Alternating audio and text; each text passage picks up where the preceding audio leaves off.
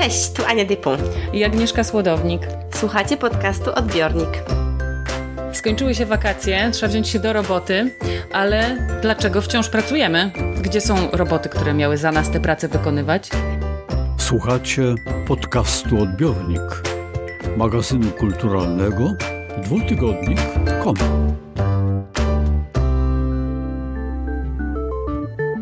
Dziś rozmawiamy o ludziach, którzy pracują za roboty, z ludźmi, których inni traktują jak roboty, a nawet z robotami. Zapraszamy!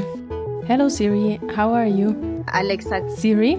Amazon. Alexa, how do we cook a fish? Yeah, okay, funny. how can we automate that part of the job? Każdy si kup swego robota. Na przykład takiego. Będę się uczyć francuskiego, będę spędzać czas z dziećmi, pisać książki, scenariusze. Ostatecznie okazało się to mniej przerażające i mniej ekscytujące niż myślałam. Podcast Odbiornik. Kulturalne hybrydy, słodownik i depon.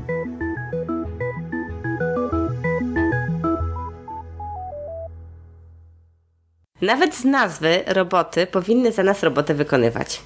Słowo robot pochodzi ze sztuki czeskiego pisarza, prozaika i dramaturga, jednego z pionierów fantastyki naukowej, Karela Czapka. Użył i spopularyzował słowo robot w sztuce RUR, Roboty Uniwersalne Rosuma z 1920 roku. Tak się składa, że w językach słowiańskich, czeskim, polskim, ale też na przykład słowackim czy rosyjskim, robota oznacza pracę, często przymusową. Sztuka opowiada o fabryce RUR, w której produkowane są maszyny nieodróżnialne na pierwszy rzut oka od ludzi. Dziś nazwalibyśmy je pewno androidami, które wykonują za ludzi pracę. Każdy si kup swego robota. Głosił jeden z plakatów zawieszonych w głównym kantorze w fabryce, w której rozgrywa się sztuka. Dzięki robotom ludzka praca miała stać się niepotrzebna, jak również miało zniknąć związane z nią ludzkie cierpienie. Dzięki robotom człowiek miał nie potrzebować już niczego, tylko cieszyć się rajem na ziemi.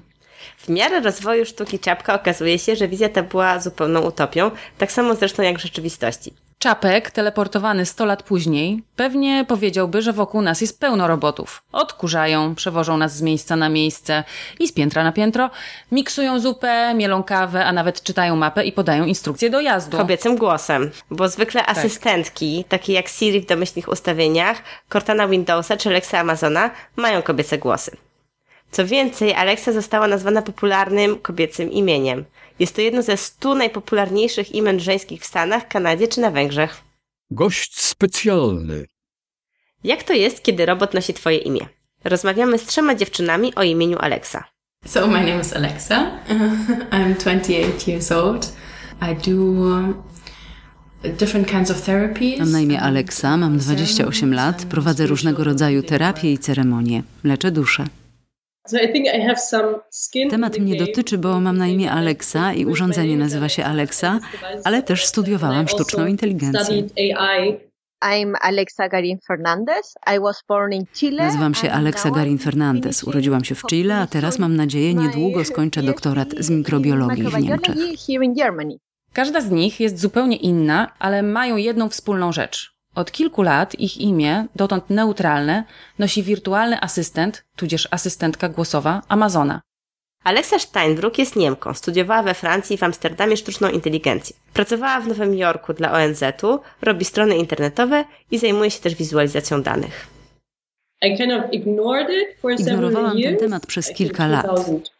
Moja pierwsza niebezpośrednia interakcja z Aleksą była około 2015 roku. Rozmawialiśmy na Skype'ie z trzema osobami z pracy. Urządzenie samo się aktywowało w pokoju kolegi ze Stanów, kiedy coś do mnie mówił. Zdałam sobie sprawę, że mój kolega ma wirtualnego asystenta i że ten przedmiot słucha naszych rozmów na Skype'ie. Kiedy zaczęłyśmy nagrywać podcast, Alexa kupiła sobie właśnie Amazon Echo z Alexą. Z ciekawości, aby zobaczyć, czym jest to urządzenie, które nosi jej imię.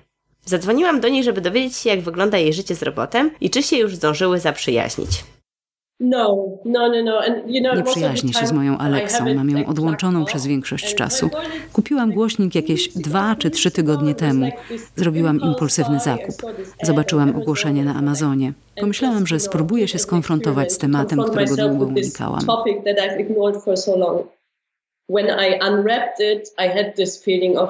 Otworzyłam opakowanie, miałam wrażenie świętości. Zaświeciło niebieskie światełko, byłam podekscytowana. Czekałam na pierwsze dźwięki. A potem Najpierw byłam nieśmiała, nie przywykłam do rozmawiania z Siri czy z innymi urządzeniami.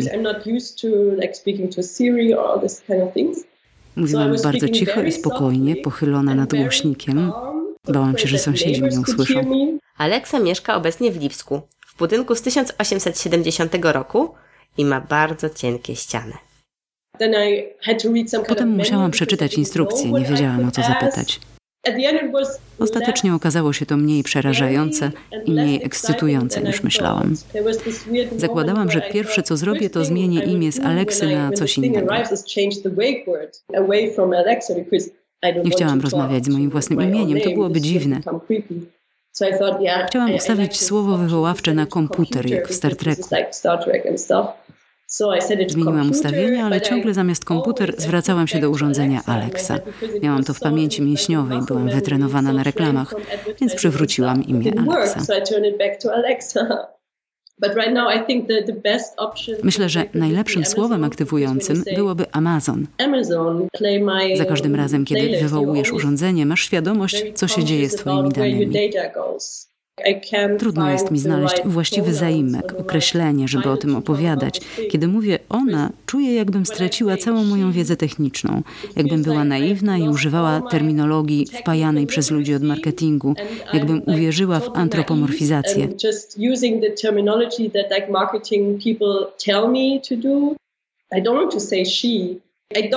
Nie chcę mówić ona, nie chcę uczłowieczać tego przedmiotu. W przeciwieństwie do Siri czy asystenta Google nie można zmienić głosu Alexy, ale nazwę urządzenia można przemianować z Alexy na komputer, Amazon lub Echo. Tak się składa, że słowo komputer pochodzi od angielskiego computer, które z kolei przez stulecia oznaczało osobę, która wykonuje obliczenia matematyczne. Takie znaczenie nosiło do połowy XX wieku, kiedy pojawiły się komputery w znaczeniu maszyn. Zawód komputera lub komputerki wymagał przestrzegania dokładnych zasad, długich i wymagających obliczeń. Od połowy XIX wieku często kobiety zatrudniane były do tych zadań. Komputery więc są historycznie poniekąd kobietami. Dlaczego więc nie miałyby mieć kobiecego głosu jako sposób uznania ich zasług? It's not just like the voice that is nie chodzi tylko o wyższą barwę głosu, ale też osobowość zaprojektowaną dla Aleksy. Znalazłam taki opis jej osobowości. Powinna sprawiać wrażenie mądrej, skromnej, pomocnej, czasem zabawnej. To rodzaj sekretarki, pomocy domowej, asystenta, niewolnika. Zostało zaprojektowane tak, żeby nie mieć w sobie asertywności gniewu. Pozostaje służalcza osobowość. To nie jest osobowość, z którą potrafię się przyjaźnić. The Atlantic donosi, że kiedy James Giangiola, szef designu osobowości Google, przesłuchiwał osoby, których głos miałby być użyty w aplikacji, podał takie wytyczne. Postać ta pochodzi z Colorado, stanu, w którym ludzie nie mają wyraźnego akcentu. Jest najmłodszą córką w rodzinie, jeden rodzic, nie jest określony który, zajmuje się kwerendami naukowymi, a drugi jest profesorem fizyki. Postać, w którą miał się wcielać głos, miał mieć licencjat z historii sztuki w Northwestern. W dzieciństwie wygrała 100 tysięcy dolarów w teleturnieju. Pracuje jako osobista asystentka dziennikarza, który prowadzi niezwykle popularny satyryczny program telewizyjny w godzinach wieczornych. I lubi kajaki. Sceptyczny kolega zapytał Dziandziole, jak brzmi ktoś, kto lubi pływać kajakiem? W trakcie przesłuchań a setki osób próbowały wejść w tę rolę, Giangiola zwrócił się do wątpiącego kolegi i powiedział: Czy kandydatka, która właśnie wyszła, brzmiała energicznie, jakby była gotowa na spływy kajakowe? Jego kolega powiedział, że nie. No właśnie, miał odpowiedzieć Giangiola. Alexa Steinbrück zauważa. Then you have to ask yourself, why would this smart girl from Colorado, why would she work, you know, as an assistant and secretary and slave for like random internet people? No właśnie. Dlaczego taka mądra dziewczyna miałaby pracować jako niewolnica dla losowych osób w internecie? Cisza, jak makiem zasiał. Hello Siri, how are you? Very well, thank you. Siri, what's the meaning of life?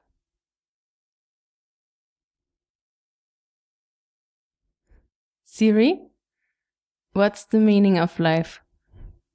It's nothing Nietzsche couldn't teach you. Dlaczego ludzie mieliby się zaprzyjaźniać z asystentkami? Zapytałam o to innej Aleksy, Aleksy Brandt. Przed chwilą słyszeliście, jak rozmawiała z Ciri.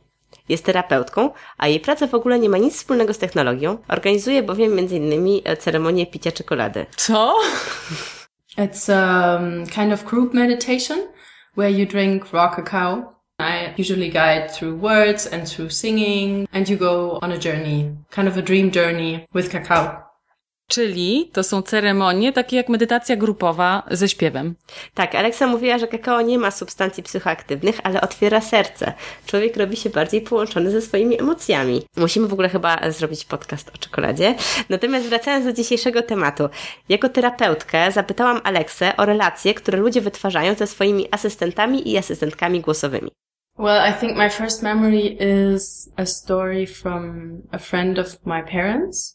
They live, it's a couple and they live in different cities. Moje pierwsze wspomnienie to historia przyjaciół moich rodziców.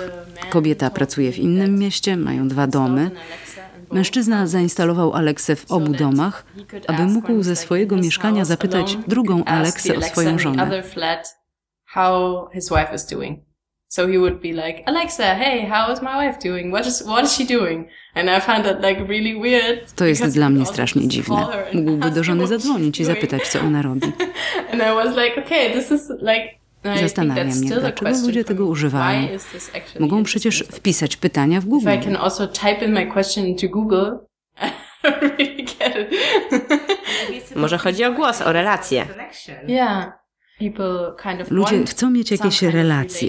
Ten przyjaciel rodziców jest sam w domu, nie ma z kim pogadać, więc rozmawia z robotem.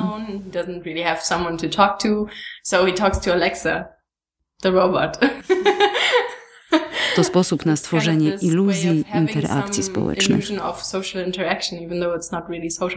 Ludzie wytwarzają relacje ze swoimi asystentami czy asystentkami głosowymi, a potem przenoszą je na osoby, które wcale asystentami nie są. Czytałam kiedyś poradę dla osób szukających e, towarzyszy życiowych, żeby partnerów i partnerki, ale przede wszystkim partnerów, wybierać po tym, jak traktują właśnie asystentki głosowe. Yesterday, for example, my friend, we were cooking a fish and she didn't really know how to do it and she was like, Alexa, how do we cook a fish? Yeah, okay, funny. Wiele osób robi żarty. Alexa zrób to, Alexa zrób tamto. Z czego to wynika? Usually people that don't know me that well do it. Zwykle żarty robią osoby, które mnie dobrze nie znają. Aleksę, urządzenie, ludzie nieświadomie wykorzystują do czego tylko chcą. Z drugim człowiekiem inaczej się wchodzi w interakcję. Nie mówi się zrób to i to. To się staje zabawne, kiedy ktoś nosi to samo imię co urządzenie kiedy przekłada się sposób interakcji z urządzeniem na tę osobę. Normalnie ludzie nie mieliby śmiałości się tak zachowywać, w szczególności w stosunku do kogoś, kogo ledwie znają. Dlaczego ludzie w ogóle w ten sposób zachowują się wobec swoich komputerów? It's not so much a thing of Myślę, że nie chodzi o to, żeby być opresyjnym wobec urządzenia. Chodzi o to, że nie trzeba się troszczyć i przejmować, co ta druga strona lubi, jakie ma o czymś zdanie. Można Aleksie powiedzieć, czego się chce, a urządzenie to wykona. Na festiwalu nauki w Hale wpadłam na kolejną Aleksę, Garin Fernandez. Pochodzi z miejscowości Arica w Chile. Jest mikrobiolożką, rysuje też infografiki i komiksy naukowe. W Chile Aleksa nie jest popularnym imieniem. Swoje nosi po ulubionej gitarze ojca, elektrycznej. Zdzwoniłyśmy się na Skype'ie jakiś czas po naszym spotkaniu. Ją też spotyka wiele dziwnych żartów, od kiedy przeniosła się do Europy. Last month, I think, uh, we were in a wedding. Uh, I met a guy. Bodajże w zeszłym miesiącu byliśmy na weselu. Spotkałam tam faceta, rozmawialiśmy, przedstawiłam się, jestem Alexa. Pyta się mnie po angielsku, from Amazon? No, actually I'm coming from the desert. Powiedziałam, że nie, z pustyni. Nie zrozumiałam, że miał na myśli firmę Amazon, a nie dżunglę w Ameryce Południowej. Amazon from the service website. Jak wspomniałam, pochodzę z Ameryki Południowej. Zaczęłam się zastanawiać, kiedy pojawiły się żarty o asystentce Amazona. W Chile nikt się z tego nie śmiał. Nie używa się tam takiej technologii. Nie jest zbyt popularna w tamtej okolicy. Myślę, że żarty wynikają z tego, jak bardzo czujemy się związani z technologią. Dodajmy tylko, że kilka miesięcy temu firma Amazon wygrała zresztą wieloletni e, spór z państwami Amazonii o prawa do używania domeny .amazon, zawłaszczając tym samym element przestrzeni publicznej, jaką jest internet. Hmm. A kiedy nagrywamy ten podcast, lasy Amazonii płoną. Rewolucja nie będzie streamingowana. A jaka właściwie powinna być reakcja na taki żart? No, Alexa zwykle reaguje niezręcznym śmiechem. Nie wie, co innego miałaby zrobić. Słyszę mnóstwo głupich żartów i głupich pytań, które spotykają obcokrajowców. Dotykają mnie bardziej niż teksty o Aleksie Amazona. Uprzedzenia kulturowe są dla mnie gorsze niż te o Aleksie. Pochodzę z ludności rdzennej Aymara. Ludzie oczekują, że nie będę znać języków obcych, że będę miała ciemną skórę i nie będę nosić ubrań. Są zdziwieni. Ale yeah, how shall I look? Ale jak miałabym wyglądać? Często szacuje się, że w 2020 roku połowa wszystkich wyszukiwań będzie głosowych. Podobno już teraz w użyciu jest około 3 miliardów asystentów i asystentek głosowych, a 1 czwarta dorosłych Amerykanów posiada inteligentne głośniki. W branży się mówi, że do 2021 roku na świecie będzie więcej asystentów głosowych niż ludzi. Dla porównania, taką popularność telefony komórkowe uzyskały po 30 latach. Jednak pojawia się problem. Szacuje się, że przynajmniej 5% interakcji z asystentami głosowymi to molestowanie seksualne. Mam w ręku raport UNESCO I'd blush if I could, czyli zarumieniłabym się, gdybym mogła. Tytuł tej publikacji pochodzi od odpowiedzi udzielanej przez Siri, która, jak wiemy, brzmi jak osoba płci żeńskiej. Kiedy użytkownik mówił do niej: Hej Siri, jesteś dziwką, odpowiadała: Zarumieniłabym się, gdybym mogła. Chociaż oprogramowanie, które obsługuje Siri zostało zaktualizowane w kwietniu 2019 roku po publikacji raportu, teraz Siri mówi tak: Nie wiem, jak na to odpowiedzieć. Uległość asystentów głosowych wobec nadużyć związanych z płcią pozostaje niezmieniona od czasu powszechnego wejścia na rynek technologii w 2011 roku. Ale jaka powinna być właściwa reakcja? Powstaje wiele pytań o to, jak stworzyć feministyczną Aleksę. Czy istnieje w ogóle taka rzecz jak feministyczna asystentka czy asystent? To jest temat rzeka. Pod playerem wrzucamy póki co bardzo ciekawą prezentację dr Charlotte Webb na ten temat i stronę f-xa.co, gdzie możecie dowiedzieć się więcej. Myśląc o neutralności płci, warto jest też nie humanizować technologii. Nie tylko nie myśleć o asystentach i asystentkach głosowych jako o kobietach czy mężczyznach, ale też nie starać się ich projektować jako podobnych do ludzi. Alexa Steinbruck zauważa jednak, Wchodząc w interakcję z urządzeniem, które ma kobiecy głos, mimo tego, że zdawałam sobie sprawę, że to jest urządzenie, odczuwałam rodzaj naiwnej empatii czy solidarności z moją płcią kulturową, choć ta płeć urządzenia jest wyłącznie konstruktem i wynikiem pracy inżynierów. Alexa Brandt dodaje. The other voice assistants all have names that are not really for humans. Wszyscy inni asystenci i asystentki głosowe noszą imiona, które nie są tak naprawdę ludzkie. Dlaczego musieliście wybrać takie piękne imię? Z drugiej strony w Berlinie na Aleksanderplatz jest wielkie centrum handlowe, które też się nazywa Alexa. Wcześniej ludzie mówili Alexa jak centrum handlowe. Musiałam tłumaczyć, że się urodziłam przed jego powstaniem. So now I feel like it's a bit Czuję więc, że to jest pewien awans, być porównywaną do inteligentnej technologii zamiast do centrum handlowego.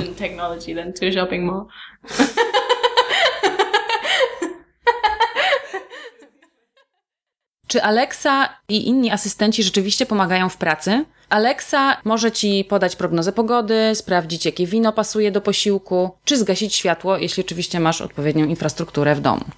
E, jakkolwiek są to pewne ułatwienia, pogodę można też sprawdzić wychodząc na balkon, a światło zgasić pstrykiem. To chyba jednak nie są te roboty, o które nam chodzi. Odbiornik. Kulturalny podcast. Musimy przyznać, że trochę nam zajęło zabranie się do roboty i wyprodukowanie tego odcinka. Zastanawiam się, w jaki sposób nowoczesne technologie, automatyzacja i sztuczna inteligencja mogłyby nam pomóc. Byłam jakiś czas temu na zaproszenie Instytutu Adama Mickiewicza na festiwalu South by Southwest, gdzie jeden z paneli dotyczył wykorzystania sztucznej inteligencji w dziennikarstwie. Wśród panelistów był m.in. Jeremy Gilbert, e, to jest dyrektor strategii z Washington Post, która jest inną obok e, Amazona firmą Jeffa Bezosa.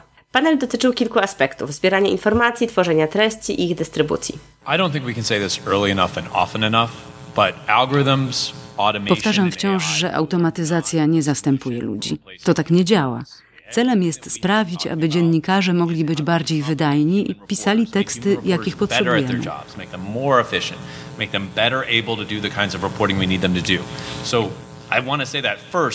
Nie chcemy dzięki automatyzacji zmniejszyć ilości osób pracujących w newsroomie.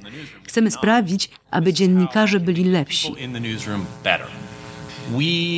Rozwinęliśmy kilka projektów. Jeden z nich to algorytm, który pozwala wykryć wiralne treści, zanim staną się popularne. Drugi przykład to narzędzie, które wspomaga właściwie każdą osobę w redakcji.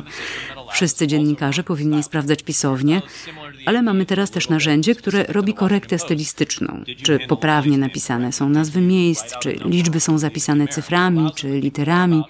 Dzięki temu redaktorzy mogą skupić się na sprawdzaniu faktów, na sposobie opowiadania historii. Mogą skupić się na tym, co rzeczywiście istotne. Jeżeli ktoś powtarza w kółko tę samą czynność, to musimy się zastanowić, jak ją zautomatyzować.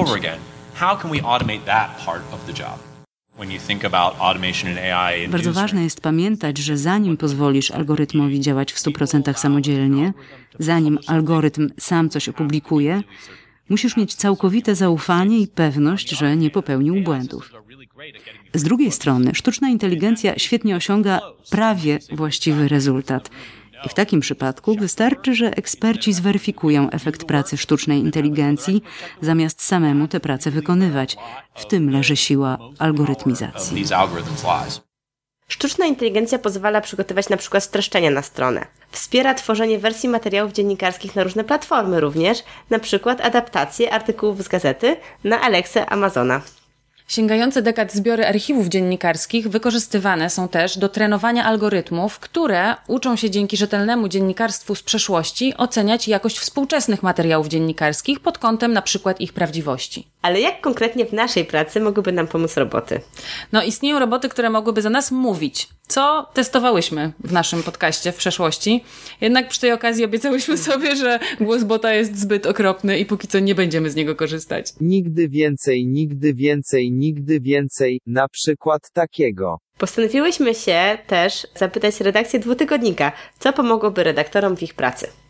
Pierwsza rzecz, która by mi się marzyła, to taka, żeby sztuczna inteligencja ogarniała wszystkie zapowiedzi książkowe. Maciej Jakubowiak, redaktor dwutygodnik.com. Kiedy przygotowujemy plany do działu literaturę, musimy przejrzeć jakieś 50-60 stron internetowych wydawnic. Czasem musimy wydobywać mailami informacje o zapowiedziach od wydawnictw, które się tym nie chwalą na stronach internetowych. Byłoby idealnie, gdyby sztuczna inteligencja mogła to zrobić za mnie. Czy w redakcji y, taka sztuczna no, inteligencja mogłaby Ci cokolwiek pomóc? Tak. Byłbym zachwycony, gdyby taka sztuczna inteligencja szybko skanowała tekst i podkreślała mi rzeczy, na które muszę zwrócić szczególną uwagę. Za długie zdania, jakąś rozwaloną składnię. Tego rodzaju algorytmy się opracowuje no, przede wszystkim dla angielszczyzny. Duże sukcesy mieli Chińczycy w przetwarzaniu języka naturalnego.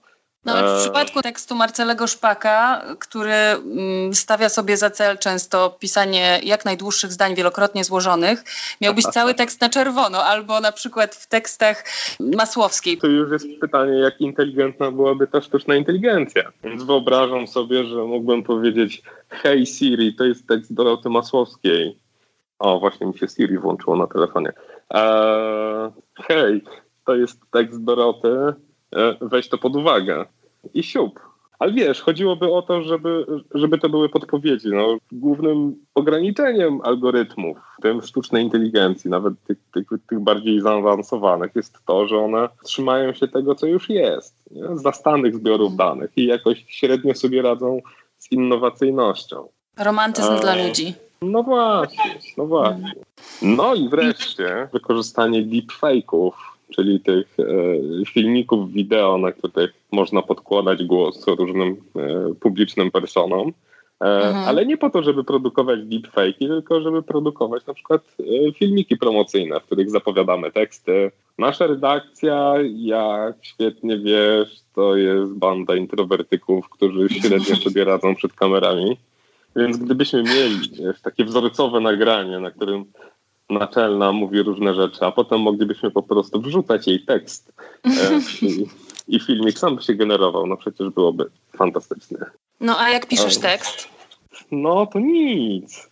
Nic, nic, no, zupełnie. No, wiesz, staram się pisać teksty tak, żeby żadna sztuczna inteligencja nigdy nie mogła mnie zastąpić.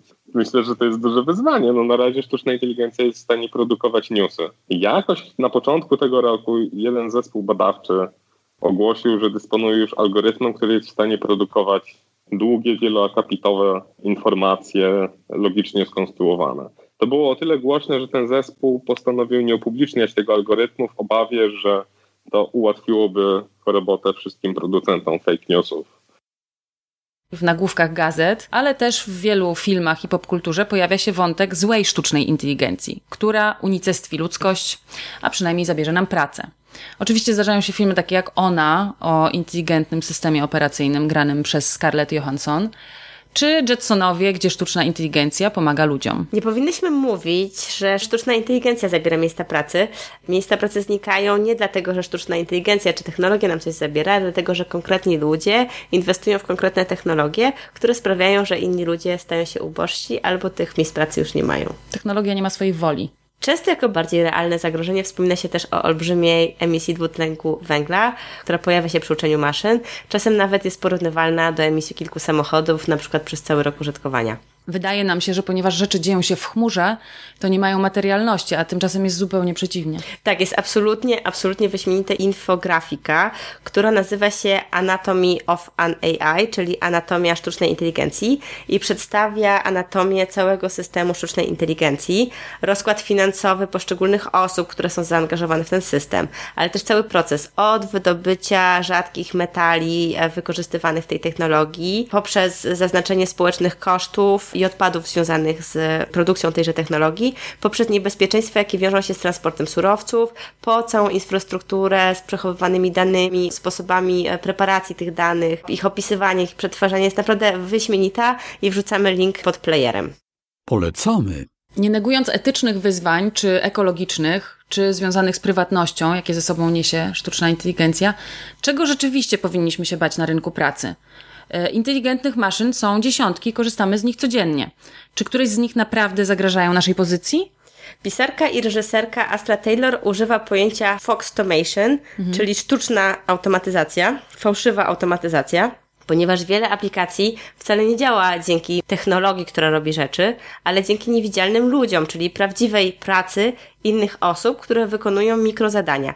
Tak na przykład działają platformy społecznościowe, gdzie treści są moderowane przez prawdziwych ludzi. Alexa Amazona działa w ten sposób, że część informacji jest przesyłana do weryfikacji prawdziwym ludziom, którzy koniec końców słuchają prywatnych rozmów użytkowników narzędzia, jakim jest Alexa. Mhm. Mowa jest srebrem, milczenie złotem.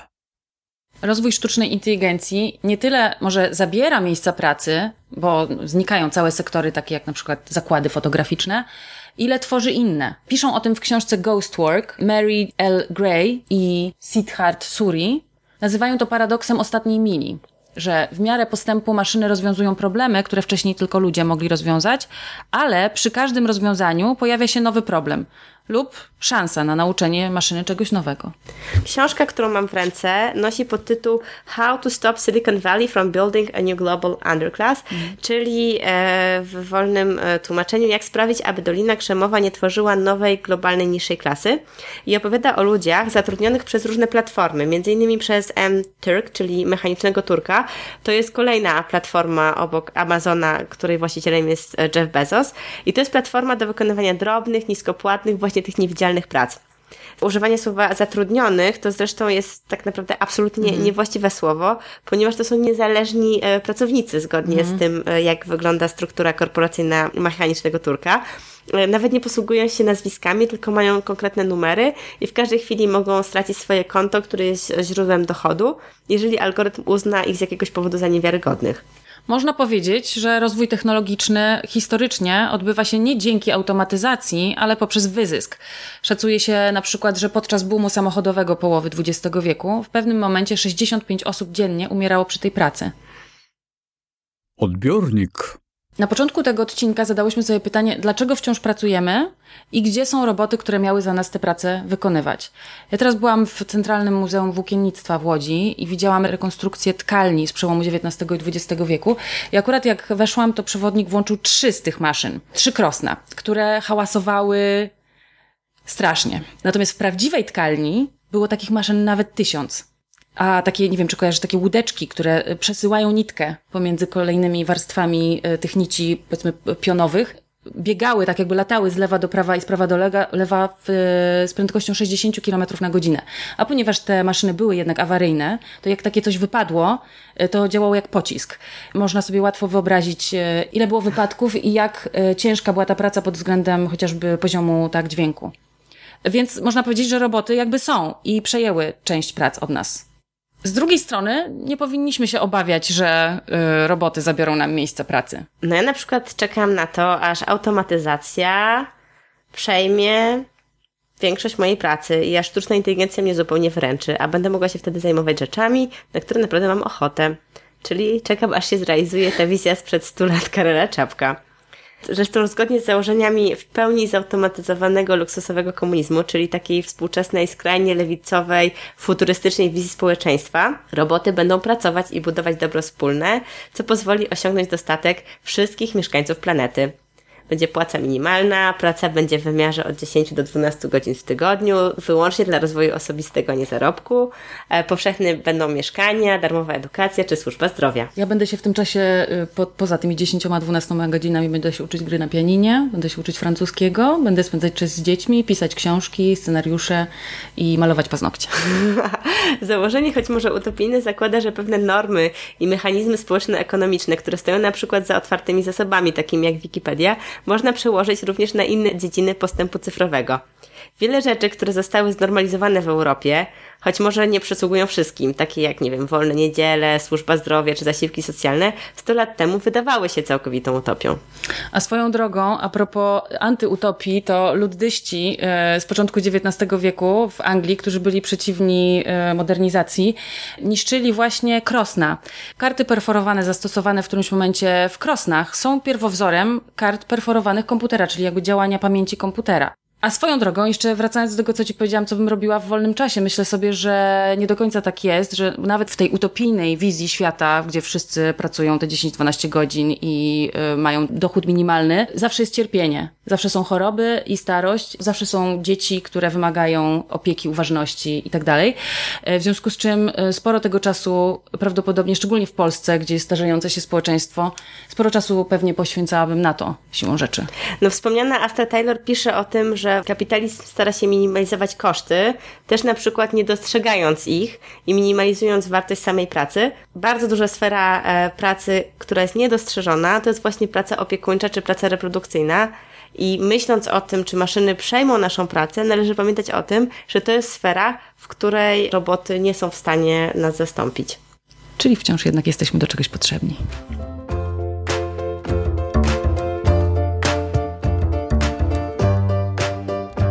Podcast Odbiornik przygotowały i zrealizowały Anna Depont i Agnieszka Słodownik.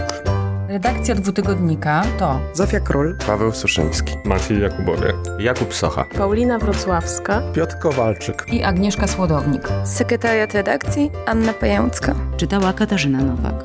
Wydawca Dom Spotkań z Historią.